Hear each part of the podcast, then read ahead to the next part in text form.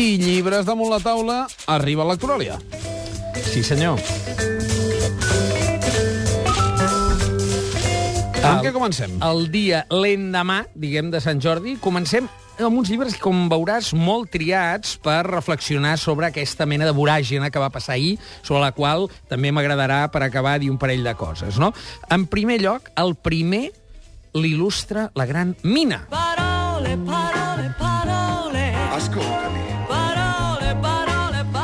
Això, aquestes paraules, que, que, que és un clàssic, diguem... M'agrada és... molt que li fa la rèplica, a la Mina. Sí, aquest ti prego. Ti prego, aquest italià que dius, vine, vine cap aquí, vine cap aquí. Bé, això és per, per il·lustrar un clàssic que acaba de recuperar Seix Barral en traducció al castellà. Carta sobre el comercio de libros, de Denis Diderot, l'enciclopedista, amb un pròleg de Sergio Vila San Juan que situa exactament eh, aquest text tan una mica estrany, no? I també hi ha un estudi preliminar de Roger Chartrier en la versió francesa. Uh -huh. Això és una carta que els llibreters parisencs li van demanar al Diderot l'any 1763 eh, sobre un moment en el qual, eh, diguem, començava a generar-se una indústria de la qual ara estem veient eh, l'evolució molt ràpida per, per la qüestió electrònica. En Diderot no es va limitar a complir eh, l'encàrrec dels llibreters, que eren els que tenien la paella palmana, que el llibreter tenia una impremta, encarregava, i com que ell era el que venia, diguem, eh, feia tot el pack, no? I en Diderot el que va fer va ser una defensa aferrissada de la propietat intel·lectual eh, dels autors. En un moment com ara, en el qual eh, no està gens clar quin és el futur editorial, eh, ahir sentíem com el senyor Lara explicava en un diari que si no li baixen l'IVA s'endurà la part, eh, eh, diguem, digital de Planeta a París, eh? I, i, en fi, hi ha unes turbulències que en veurem moltes en aquest negoci, en veurem moltes. Doncs jo crec que és molt oportú recordar l'inici en el qual la il·lustració eh, eh, eh, se situa, situa el focus i comença a plantar cara a la indústria, plantar cara des de la subordinació. Eh? Diderot va ser un dels editors del primer gran best-seller de la indústria editorial, Bíblia Banda, que va ser l'enciclopèdia francesa. Mm -hmm. Però clar, això és un model de negoci que ha perviscut fins ara, que és el model del fascicle. Diguem eh, que podia tenir la novel·la per entregues, però que com a producte editorial va serialitzar. Ara acabaves de parlar amb, amb un autor, amb l'Espinosa, de eh, sèries en aquest món audiovisual. Sí. En fi, eh, eh, estem parlant de coses semblants o comparables a nivells de discurs molt diferents, no? Per tant, jo crec que és oportú veure això del Denis Diderot. Eh, D'altra banda, deixa'm dir, aprofito aquest llibre per eh, fer una crítica diguem, serena eh, i des de eh, la posició que m'atorga el fet d'haver estat beneficiat per aquesta decisió. Eh? I, per tant, no sóc suspecte d'actuar per despit. Ahir, el gremi de llibreters, eh, que és qui va donar les dades, mm, cada cop les donen més d'hores, sobre mm. aquests llistes, aquestes llistes que dius, en fi, comença a ser sospitós, eh, i, i ja et dic, eh, jo estic a la llista, estic al tercer sí. en català i estic encantat. Es va inventar una categoria, o va treure una categoria que diu llibres mediàtics. Ja.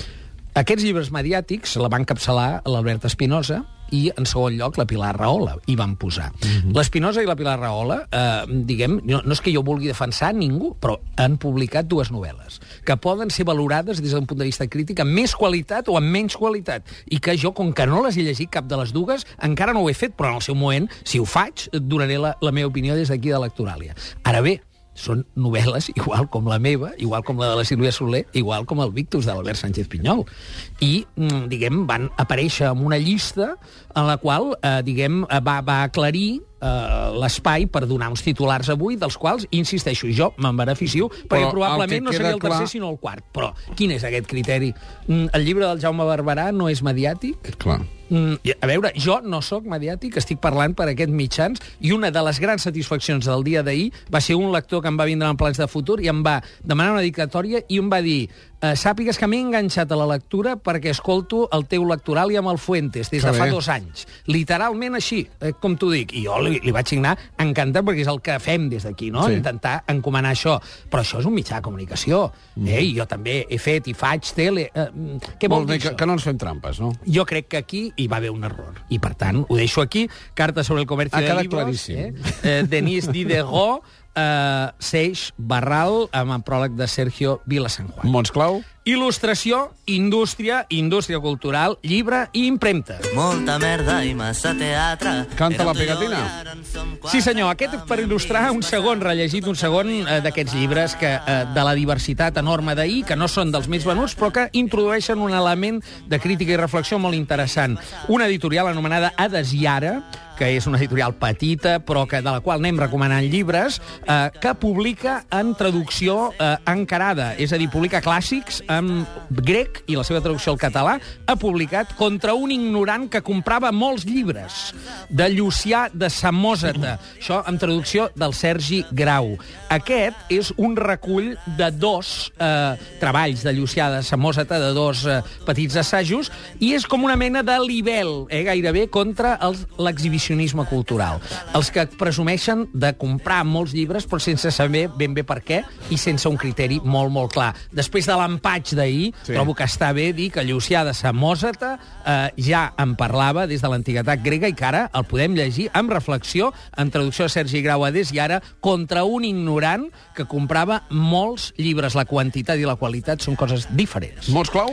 Crítica, Grècia, món grecollatí, bibliofília, intel·lectualitat i una altra cosa que comença amb vi, ínfola.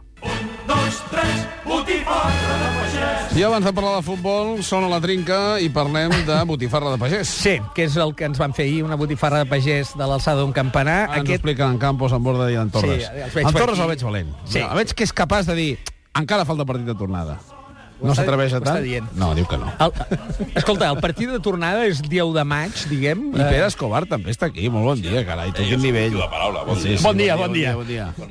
Molt bé, Ac- ac- moltes gràcies. Acabem amb el fullejat. És un llibre que ha passat desapercebut, tot i que tenia números per eh, ser sonat. Botifarra de pagès de Logaite del Besòs, és a dir, de Ramon Solsona. Això ho ha publicat Pòrtic i són uns versos satírics amb el procés sobiranista darrere fons, que eh, realment això de l'humor és molt complex, que no han entrat bé, No. que no han trobat eh, el seu ressò i que, eh, val a dir, i vull destacar, que estan treballadíssims i que mereixien una millor sort. En tot cas, des d'aquí els recomanem Botifarra de Pagès versus per tocar el 2, no el 5, sinó el 2, Pòrtic. Màrius, què va passar ahir? Desastre. Va passar un desastre, jo crec que va passar un canvi de ciclen. Sí? Un canvi de ciclen. Eh? No, jo vaig recordar Atenes, aquell 4-0, jo crec que segur que aquí ens il·lustraran mm. aquests homes tan il·lustrats del món de futbol. Ah, va, va ser una nit trista, jo venia amb molta alegria, acabava de signar a les 9 i, i, i vam sortir i anàvem 0-0, vaig arribar a la primera festa i anàvem 1-0, va, vaig anar al lavabo un moment i quan tornava anàvem 3-0, en fi, un... un... T'hi vas estar estona, doncs, eh? Al lavabo sí. El sí, primer eh, gol és del minut 15. No, no, no, és que jo no vaig arribar fins al 2, eh? Ah, val, diguem. val. No, no, no, no. no. Entre el segon i el Això tercer sí, vaig, això vaig sí. fer una micció, eh, diguem, perllongada, que no repetiré. Eh? Aguantarem més la bufeta. Senyors, l'1 de, Màrius. l'1 de maig faig 50 anys Home. i el Barça ha de remuntar amb un 5 a 0. Un Només aplaudiment per Màrius Serra. Felicitats.